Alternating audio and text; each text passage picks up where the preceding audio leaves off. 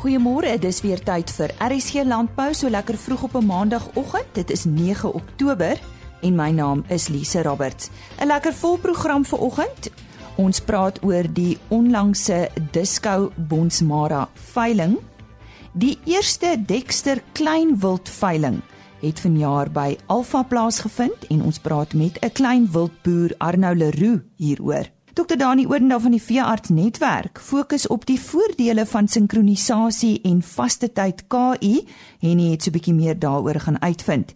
Die MPO Nasionale Kongres het ook onlangs plaasgevind. Dr Chris van Duyk praat oor die MPO en een van die sprekers, Anton de Wet, praat oor hoe jy swart ekonomiese bemagtiging op jou plaas kan implementeer. So Moenie weggaan nie. Vandag se RC landbouprogram word aangebied met die komplemente van FNB Landbou. FNB, hoe kan ons jou help? Disco Bonsmara se onlangse tweede produksieveiling in Addo in die Sondagsrivier Vallei het goeie resultate gelewer en diegene wat met Boeram Venter se diverse boerdery bekend is, volg die dinamiese vertakking met groot belangstelling. Die stoetse kuddebestuurder Philip Taylor het met Karen Venter ons medewerker in die Oos-Kaap gesels. 20 bulle met 61 dragtige koeie en verse is aangebied. Die hoogste bod van 48000 op lot 1 is op Pietie Ferreira van Endolini in die Zuurbron omgewing toegeslaan. Karen Venter het met die aanvang van die veiling met Philip Taylor gesels. Kom oorspronklik van Bafodesa van die Weskaap. Ehm um, ag vanat ek kan onthou wou ek maar nog altyd gaan landbou swat het. Ons het so klein stukkie grond gehad daar in Beaufort Wes en naweke daar rondgeloop. So dit uh, dit was maar 'n groot liefde vir my. En uh, toe nou besluit ek gaan uh, gaan gaan landbou swat. Ek wil boer. En ehm um, gaan swat toe in Wellington, uh, landbou diereproduksie geswat daar toe het ek uh my prakties moes ek toe moes ek toe iewers doen en ons toe gelukkige boer daar in die omtrek wat wat uh wat hy vat elke jaar studente aan om hulle prakties te doen. Moet ek 'n jaar daar my prakties gedoen op 'n op 'n Angus plaas begin. Swart Aberdeen Angus en ehm uh, toe die jaar so amper op sy einde is toe hulle my gevra of ek permanent wil aanbly nie. Toe ek toe nog 'n jaar daar aangebly. En uh ag toe so aan die einde van die jaar toe kry ek 'n oproep van die van die Karoo af en wat sê ek moet terugkom. Toe het ek geskuif uh Karoo toe en toe het ek vir so 5, 6 jaar daar met skape geboer en maar nog die beeste gemis en uh toe toe nou die gap kry om om weer terug te kom beeste toe toe het ek uh, toe het ek geskuif, toe het ek dit gebruik en En uh, ja, toe ek aangesluit hier by by Venter boerdery by Disco Bonsmara. Ehm um, vir hom Boeram begin werk, Boeram Venter, ongelooflike ou. Ehm uh, hy en hy en sy twee seuns doen die boerdery. Uh Boeram Venter is nou die die groot hond en dan uh Leroux Leroux Venter is die jongste seun. Hy doen die sitrus, die beheer van die sitrus en dan uh Nico Nico Venter doen die hoender aanleg wat ons het en uh die workshops en dan ook Afrikanos, ehm, 'n um, gastehuis wat ons het hier op Edda. En uh, ja, en dan tannie Elsa, en Boeram se vrou, sy uh, sy het ook so 'n klein bokkie projek wat sy aan die gang het hier bo by 'n by 'n klein kampie wat ons het wat sy nou klein hierdie klein bedreigde spesie bokkies uh, rehabiliteer of wat ek al dit nou sal noem. Vandag is ons is ons tweede produksieveiling hier by ons op die plaas by Disco. Ons verwag 'n redelike goeie veiling. Ons het baie kopers opgelaai en die mark is goed op hierdie stadium. Uh, ons is baie positief. Ons het 'n ongelooflike afslaer wat ons elke jaar kry, Michael Lassie. Ehm um, hy doen hy doen 'n baie goeie job. So uh, ja, ons moet nou maar sien wat is in die kaarte. Ek dink ons ons kwaliteit van ons bulle het het redelik opgetel van van van verlede jaar af. Ehm um, en en ons vroulike diere ook. Ek dink vir al ons verslotte is baie goed. So ons verwag ons verwag goeie pryse. Ehm um, en en uh, ag ons ons konsentreer op op ons kommersiële boere. Ehm um, ons wil ons wil bulle teel wat wat hulle gaan geld inbring in die sak aan die einde van die dag.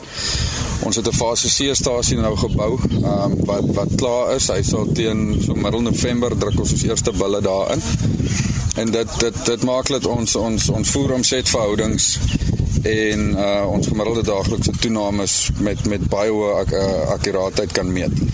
En en dit dit gaan veroorsaak dat dat 'n ou wat by my bil koop met baie goeie syfers op op ehm uh, voedingsverhouding en GDT gaan op die ou end van die dag diere, kommersiële diere teel wat hy met met gemoedheid in sy hart in 'n voerkraal kan sit en weet hy gaan baie vinnig gewig optel met baie minder kos. So dit gaan in die lang duur vir hom vir hom uh, 'n uh, positiewe ding wees om by ons bulle te kom koop. En en ons ons selekteer kwai op aanpasbaarheid, ehm um, gehardheid, die bulle moet funksioneel wees.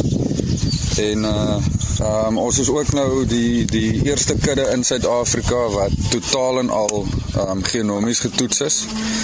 Ehm um, so dit is ook dit gaan ook ons ons teelwaardes gaan dit gaan dit ehm um, uh, verbeter akkuraathede gaan gaan hoor wees en dit dit gaan eh, dit gaan maak dat as jy as jy een van ons catalogs in jou hand vashou gaan jy weet dit wat op die bladsy staan is wat jy op die ou end van die dag gaan kry. Eh, mense kan gerus gaan kyk op Facebook het ons 'n bladsy onder onder Diska Bonsmara. Uh, hulle kan ook ons webblad gaan besoek by www.venterboerdery.co.za maklikste e-mailadres om by uit te kom is bonsmara@srvalley.co.za. Ehm um, die mense kan vir Bram Venter kontak by 082 576 1684 of vir myself Philip Taylor by 071 514 7042. Die stem daarvan Philip Taylor wat oor die tweede Disco Bonsmara veiling gesels het. By vanjaar se Alpha Feeskou daar by die Afridome in Parys in September het die eerste van sy soort Dexter kleinwildveiling plaasgevind. Ek het met die bekende kleinwildboer Arnou Leroux hieroor gepraat. Ons het besluit dat ons gaan op Alpha die fondasie lê. En ek voel ons het vandag die fondasie gelê vir kleiner grond waar 'n mens met klein wild en 'n klein dubbeldoel ram ras genaamd die Dexter ehm um, tog wel 'n goeie bestaan kan maak.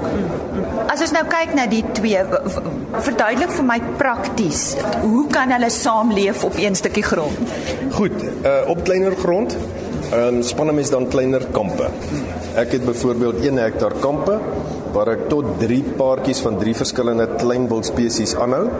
En ek het 'n klein groepie Dexter stoet beeste van 1 bul en 5 koeie met hulle kalvers wat 2 weke per kamp spandeer in die kamp. En hulle roteer. En 28 weke later kom hulle weer terug in kamp 1.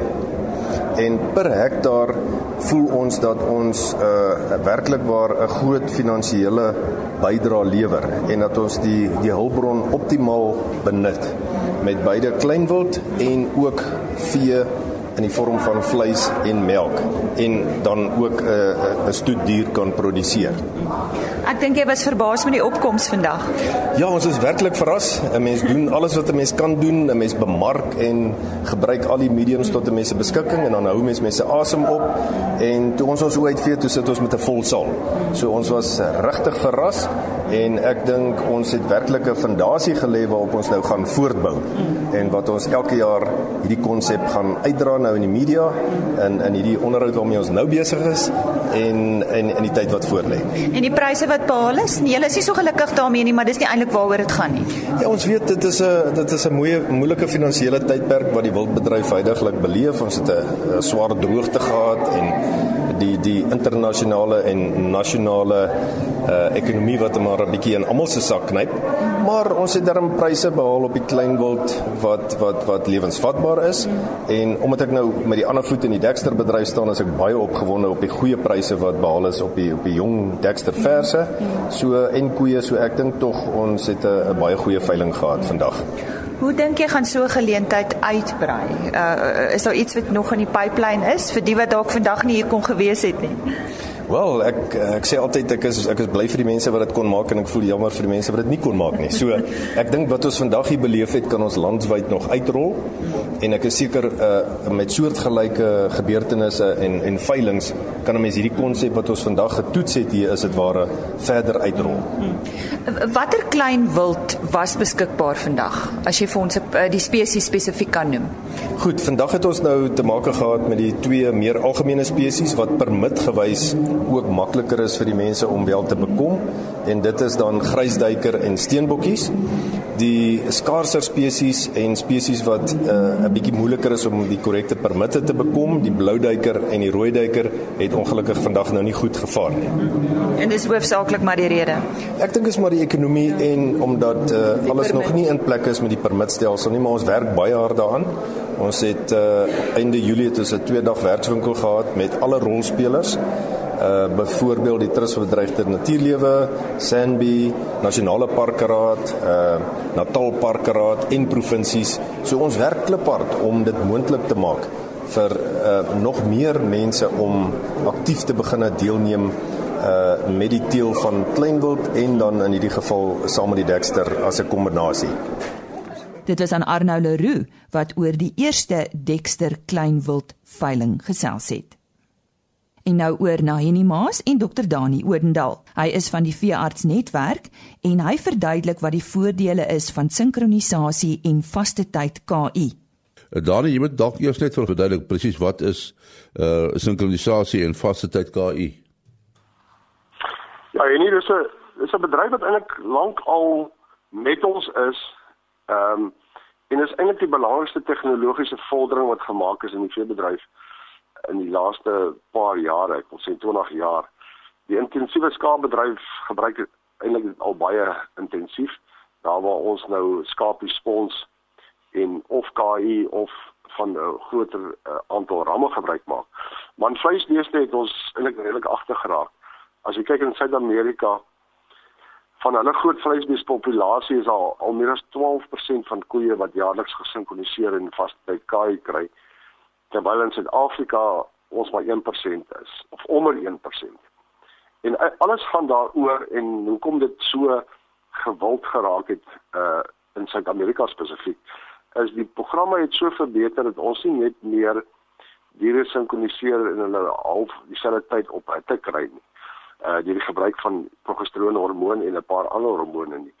Ons kan nou ook spesifiek uh ovulasie plaasvind, daai vrystelling van die eiersel van die eierstok. Ons kan dit nou spesifiek bepaal met die gebruik van die nuwe programme. So boere hoef nie meer observasie te doen en sien watter koeie is op hitte voordat gekaai word nie. En dis hoekom ons praat van vaste tyd KI. Ons weet soveel so ure, 48 of 52 ure na ons die program uh geëindig het, kan ons KI en die dier sal reg dis vrystelling van die eiersel sou plaasgevind het uh en ons konsepsies is baie beter. Voorheen het boere basies uh, in in soetboere gebruik gemaak van hierdie sinkronisasie en KI en dit was gewoonlik met hulle beste diere, alles wat in goeie kondisie was uh om diewer genetika, weet uh gefriesde semenstrooitjies op hulle te kan gebruik.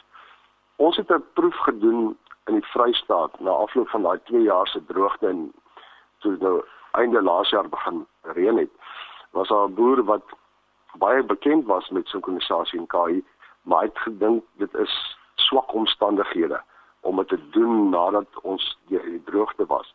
Dit is dan voor in Vrystaat uh by Groot Respons Maras, was die proef saam die veeartse van Frankfurt gedoen en Ascendus diere gesondheid. So wat ons daar gedoen het, ons het al die diere gaan ondersoek voor die voor die begin van die teelseisoen.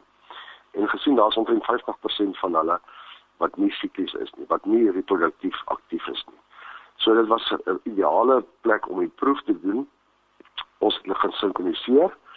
Uh GKI volgens die groepe uh, wat soos hulle opgedeel was, dit wat nie sieklies was nie teenoor wat sieklies was en dit wat in swak kondisie was teenoor goeie kondisie. En tot ons verbasing het ons tot 50% van daai diere dragtig gekry met sinkronisasie en KI. Uh ons moet nou op dag 1 van die van die van die teelseisoen 50% diere drag, dragtig gekry wat 'n verskriklike groot voordeel is. Nie net vir daai spesifieke diere nie, maar vir die diere wat nie dragtig geraak het nie. Net daarna as die bulle ingesit en binne die volgende hitte siklus, 21 dae, was klaar 75% van die diere dragtig en een hitte siklus verder by 85%. So dit het ons eintlik geleer dat hierdie tyd KI se voordeel, se bestuursvoordeel is amper nog groter as wat ons net na die genetiese voordeel kyk waar ons ehm um, genetika wil inbring deur die deur die gebruik van KI.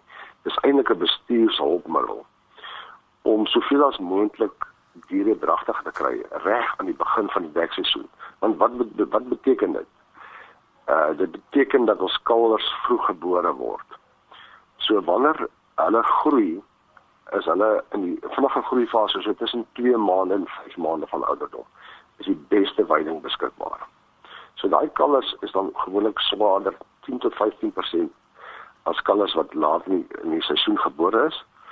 Ons het ook gesien dat diere wat laat gekalf het as gevolg van die droogte het ons vorentoe geskuif. Wat beteken dit? Dit beteken dat ons hulle vanaf 45 dae na kalwing kon sinkroniseer in KI en weer 51% van hulle kontrakte gekry. So hulle kon weer terugskuif en invul met die res van die koeie wat normaalweg vroeg kalf. Ehm uh, daar's hier 'n paar ander bestuursvoordele. Sodra ons dan hierdie groepe van diere het met dieselfde behoefte op dieselfde tyd kalf, kan ons hulle beter bestuur wat inenting, sering al daai goed aan betref. Maar een van die grootste voordele is dat daai kalfies wat bymekaar uh, gebore word, kan ons beter toesig hê oor hulle. En dan kan ons daai kalfies groepeer sodat ons nie meer as 100 kalfies in 'n groep het met met hulle ma saam. Uh wat se ouderdomme met meer as 'n week of 2 weke verskil. Nou dit is baie belangrik waar ons nou hierdie groot krisis het met diarree. As jy koeie soos hulle kalf 'n groep maak en daai kalfies se ouderdomme is baie naby aan mekaar, soos 'n week of 2 weke van mekaar af. En die volgende koeie wat weer kalf, vorm 'n nuwe groep, dan verminder ons die kanse vir die opbou van kontaminasie en en diarree in kalvers verskriklik baie. So daai kalvers bly dan saam met hulle ma's in daai bestuursgroepe soos hulle gebore word en na hulle 'n maand ouderdom uh minimum is word hulle weer saamgevoeg. En dit het 'n baie groot voordeel vir voorkoming van diarree. En die maas daar 'n gesprek met dokter Dani Odendaal van die veearts netwerk. Karen Venter het ook by die MPO Nasionale Kongres gaan inloer en daar met die hoofuitvoerende beampte van die MPO, Dr. Chris van Duyk gesels. Nou die MPO is 'n uh, nie winsorganisasie wat basies die 1600 melkbore wat in die land is verteenwoordig. Nou daar's baie goed, daar word altyd gevra, jy weet, wat doen die MPO vir die melkboer?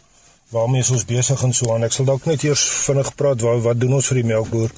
en ons miskien nie genoeg tyd daar om alles in detail te bespreek nie, maar ek dink een van die belangrike goed is is ter ondersteuning van ons hele strategiese fokus en dis die volhoubare melkboerdery of 'n volhoubare boerdery wat ons vir al die produsente daar wil skep en dit sluit die heel kleinste melkbooie in dan tot jy weet tot ons melkbooie wat 12 15000 koeie melk wat in die Tsitsikamma um, is.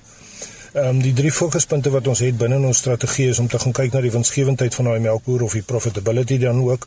Um, 'n baie belangrike fokuspunt is is die mensgedeelte. Jy weet ons ons het 'n klomp goed wat ons doen rondom rondom mense want die mense sonder mense kan 'n melkery ook nie bestaan nie. Um, en dit gaan van van die werkers af met ons opleiding wat ons doen met die instituutse opleiding wat ons dan doen op die melkplase dwarsdeur tot uiteindelik um, amper tot by die sielkundige aspekte wat die boere dan gelukkig op die melkplase. En dan 'n ander belangrike ding is natuurlik die omgewing. Jy weet die omgewing is vir ons belangrik en ons wil graag 'n omgewing skep, jy weet, so dit gaan oor slukdamme, dit gaan oor watergebruik. En dit gaan oor 'n klomp ander goed wat ons dan nou verseker dan um, binne of op die melkplaas self om seker te maak dat daai goed in plek is en dat ons volgens wet dan optree.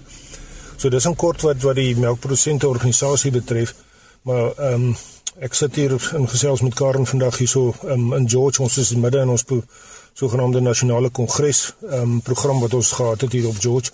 Ons het gister het ons um, verskillende streke se algemene jaarvergaderings gehad. Vanoggend ook die NPO se jaarvergadering gehad.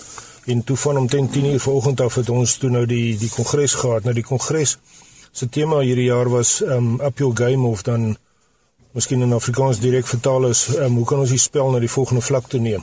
En as ons gaan kyk na die spel, jy weet die spel binne in die melkery, die melkery is 'n baie hoogs volatiele omgewing soos alle melkbore weet. Jy weet dan gaan dit baie goed in die melkery, dan gaan dit sleg.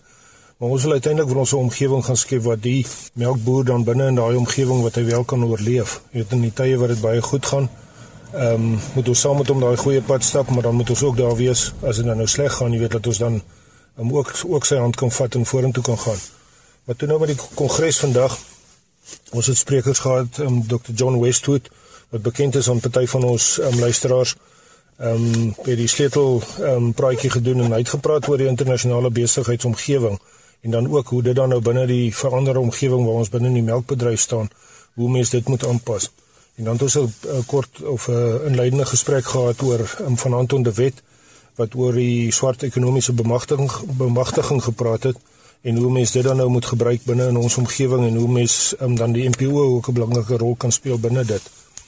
En ek self het 'n um, die geleentheid gehad om 'n praatjie te doen oor moeilike vrae wat mense moet vra en moeilike besluite wat mense moet neem in 'n in 'n moeilike ekonomiese tyd. En ek dink heidaglik in die Wes-Kaap, Oos-Kaap en gedeeltelik in Natal ook is dit definitief 'n moeilike besluit of 'n moeilike tyd veral wat die droogte betref. En mense moet gaan kyk na melkopbrengs. Ek het kudde gesondheid aangespreek. Reproduksie byvoorbeeld weet mense moenie nou begin sny op sekere goed en dan uiteindelik as dit nou weer begin beter gaan dan het mense nie kalvers nie of jou diere is siek of wat of jy nou 'n ander probleem nie. En dan die ander ding is natuurlik met voerkoste. Voerkoste maak 'n groot gedeelte uit van jou ehm um, van die veranderlike kostes en ek dink dit is belangrik om daarna te gaan kyk en seker te wees dat daai voerkoste alles in plek is. En dan het ek vinnig geraak aan die bates, jy weet al die bates wat moontlik jou um, geld kan of of jou wins kan vashou op die plaas. Ehm um, mens moet miskien teruggaan na dit toe en dalk ontslaa raak van die goed wat nie regtig vir jou wins beteken nie. En dan het ek vinnig aan risikobestuur um, geraak. En dan die belangrike ding is natuurlik jou jou besigheidsplan. 'n Mens moet definitief 'n besigheidsplan met jy in plek hê. Daar moet 'n um, plan in plek wees want as jy nie 'n plan het nie, gaan jy uiteindelik nie weet waar wil jy heen gaan nie. En ek dink dis van uiterste belang en ook die melkprodusente organisasie, dis van uiterste belang dat jy wel so 'n plan in plek moet hê en die NPO kan dan ook die boere help wat nie weet van buite af hulp kan kry nie. Ons kan julle definitief help om daai 'n plan dan in plek te kry. Die ander sprekers wat ons gehad het, ons het ook 'n um, 'n um, internasionale spreker in die vorm van uh, Gil Inbar gehad, hy het gepraat oor ritte stres en dan um, Bruiten Mulford van Agri Expo het hy baie goeie praatjie het hy afgesluit. Um always be ahead of your time. En ek dink daar's baie goeie interaksie tussen Agri Expo en dan ook tussen um, met die NPO saam. Maar ek dink definitief 'n pad wat ons vorentoe gaan stap en wat ons hierdie baie mooi industrie van ons die melkbedryf definitief net kan vorentoe vat. So dis in kort ehm um, en redelik vinnig wat ek nou met julle kon praat. Maar ja, ek wil aan die luisteraars die versekering gee dat ons wel hierdie industrie besig is om met rasseskrede vorentoe te vat en ons sal definitief in die volgende 5 en 10 en 100 jaar gaan ons nog hier wees. So van my kant af ehm um, Karen, ja, baie dankie vir die geleentheid en dan as iemand wil kontak, ek dink deesdae ehm um, ons het ook 'n web 'n nuwe web uh, webwerf en ek dink gaan kyk op die webwerf, die kontak besonderhede is daarso, die webwerf is ehm um, mpo.co.za en dan ons ook baie modern geraak nou onlangs en ons op die sosiale media begin rondloop en hulle kan ook op op Facebook en hulle ook gaan kyk. En daar is definitief vir twee plekke wat hulle ons on kontaknommers kan kry en nog baie meer inligting van die um, MPO of selfoon kan kry. Dit was aan die hoofuitvoerende beampte van die melkprodusente organisasie Dr Chris van Duyk en hy het tydens hierdie gesprek verwys na Anton de Wet en na die veiling nuus aangebied deur Henny Maas hoor ons van Anton de Wet. Ja, goeiemôre. Nou is dit weer tyd vir veiling nuus. Die Howard Farming se produksieveiling vind op die 11de Oktober plaas by die Bullring Betal Ermelo omgewing en 'n Boran stoetbul word aangebied. The Bullring Auction House is die afslaers. Maar Wimbloo se Beefmaster veiling vind ook op die 11de Oktober plaas by Vredefort in die Vrystaat. Out of Africa Boran veiling op die 14de Oktober in die Warmbad veemark in Bella Bella. 20 SP bulle en 100 vroulike SP diere word aangebied deur Vleissentraal Bosveld. Op die 14de Oktober is dit die nasionale Senepol veiling wat plaasvind by die Circle Sea Ranches Excelsior. 35 bulle en 50 vroulike diere word opgeveil deur Vleissentraal Bloemfontein, die afslaer 1 grobbelaar. Die Midvrystaat Bosmara se kop of stert veiling Germar Bosmaras en Hansel Bosmaras, die vind op die 19de Oktober plaas. Dit vind plaas by die Bloemfontein se skougronde. 40 bulle en 100 vroulike diere word opgeveil deur Vleissentraal Bloemfontein. Tot sover dan veiling nuus. Dankie Henny en nou die bydrae wat Karen Venter vir ons gestuur het met Anton de Wet. Uh, ons het 'n bietjie gesels uh, met die lede oor volhoubaarheid en sekere risiko's wat daar in die nuwe Suid-Afrikaanse landskap bestaan vir melkbore spesifiek maar vir boere oor die algemeen ook en vir besighede oor die algemeen. Ons het bietjie gefokus op uh swart ekonomiese bemagtiging wat uh op die oomblik in almal se koppe is, maar nie almal verstaan heeltemal uh die wetgewing nie en waar om te begin om byvoorbeeld 'n swart eienaarskap transaksie te implementeer. So ons het so 'n bietjie gepraat oor uh wat die wetgewing vereis. Uh 'n paar van die praktiese oorwegings wanneer mens besluit hoe om 'n swart eienaarskap transaksie te struktureer. Uh belangrike faktore wat 'n mens in ag moet neem. En uh waaroor ons opgewonde is, uh is die feit dat boere eintlik maar reeds swart ekonomiese bemagtiging al vir jare doen. Hulle kyk die meeste boere kyk baie goed na hulle werknemers en doen addisionele goederes vir hulle werknemers wat sou mense dit net beter struktureer sal sal kwalifiseer vir erkenning onder die swart ekonomiese bemagtiging wetgewing. So die die tema van my praatjie was take the sting out of BEE. Uh soos jy kan aflei uh BEE soos ons almal weet is maar 'n redelike kontroversiële en emosionele onderwerp.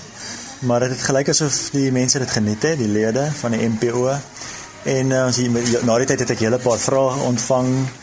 Uh en uh mense stel regtig daaraan belang om te kyk ek hoe hulle dit kan doen. Ek dink oor die algemeen wil boere graag hulle werknemers en swart mense in die in hulle gemeenskappe minder bevoorregte mense bevoordeel en help as hulle enigstens kan, maar natuurlik sonder om die besigheid wat daai ekonomiese bemagtiging moet genereer op risiko te plaas en en uh, dis wat ek help dis waarmee ek mense help uh en uh ja die uh, is daar enige boere wees al maak nie saak waarmee jy boer nie wat uh, addisionele advies wil hê of net nog opsies op die tafel wil hê in terme van swart ekonomiese bemagtiging is hulle meer as welkom om my te kontak. Uh my maatskappy se naam is Net Value Equity Partners. Ons webtuiste is www.netvalue.co.za en ons telefoonnommer is 021 300 1551. Ons is in die Kaap gebaseer in Somerset Wes. Uh, luisteraars kan my ook e-pos by anton@netvalue.co.za. En dalk uh, Karen net om laastens uh, nog ietsie te noem is dat wat ons ook optel onder vir al die boere is dat daar 'n bietjie van 'n wan in wan konsep is. Uh en as dit kom by die verskil tussen land uh, distribusie uh grondonteiening of of BEE. Uh party boere uh dink dat dit dalk een en dieselfde ding is, maar ek dink is baie belangrik dat boere verstaan dat dit is eintlik twee heeltemal verskillende konsepte. Alhoewel beide rasgebaseer is, uh die wetgewing uh is BEE of swart ekonomiese bemagtiging gefokus op uh ekwiteitseienaarskap. So dis aandelehouding in 'n maatskappy. En dit het nie noodwendig te doen met uh, grondredistribusie nie.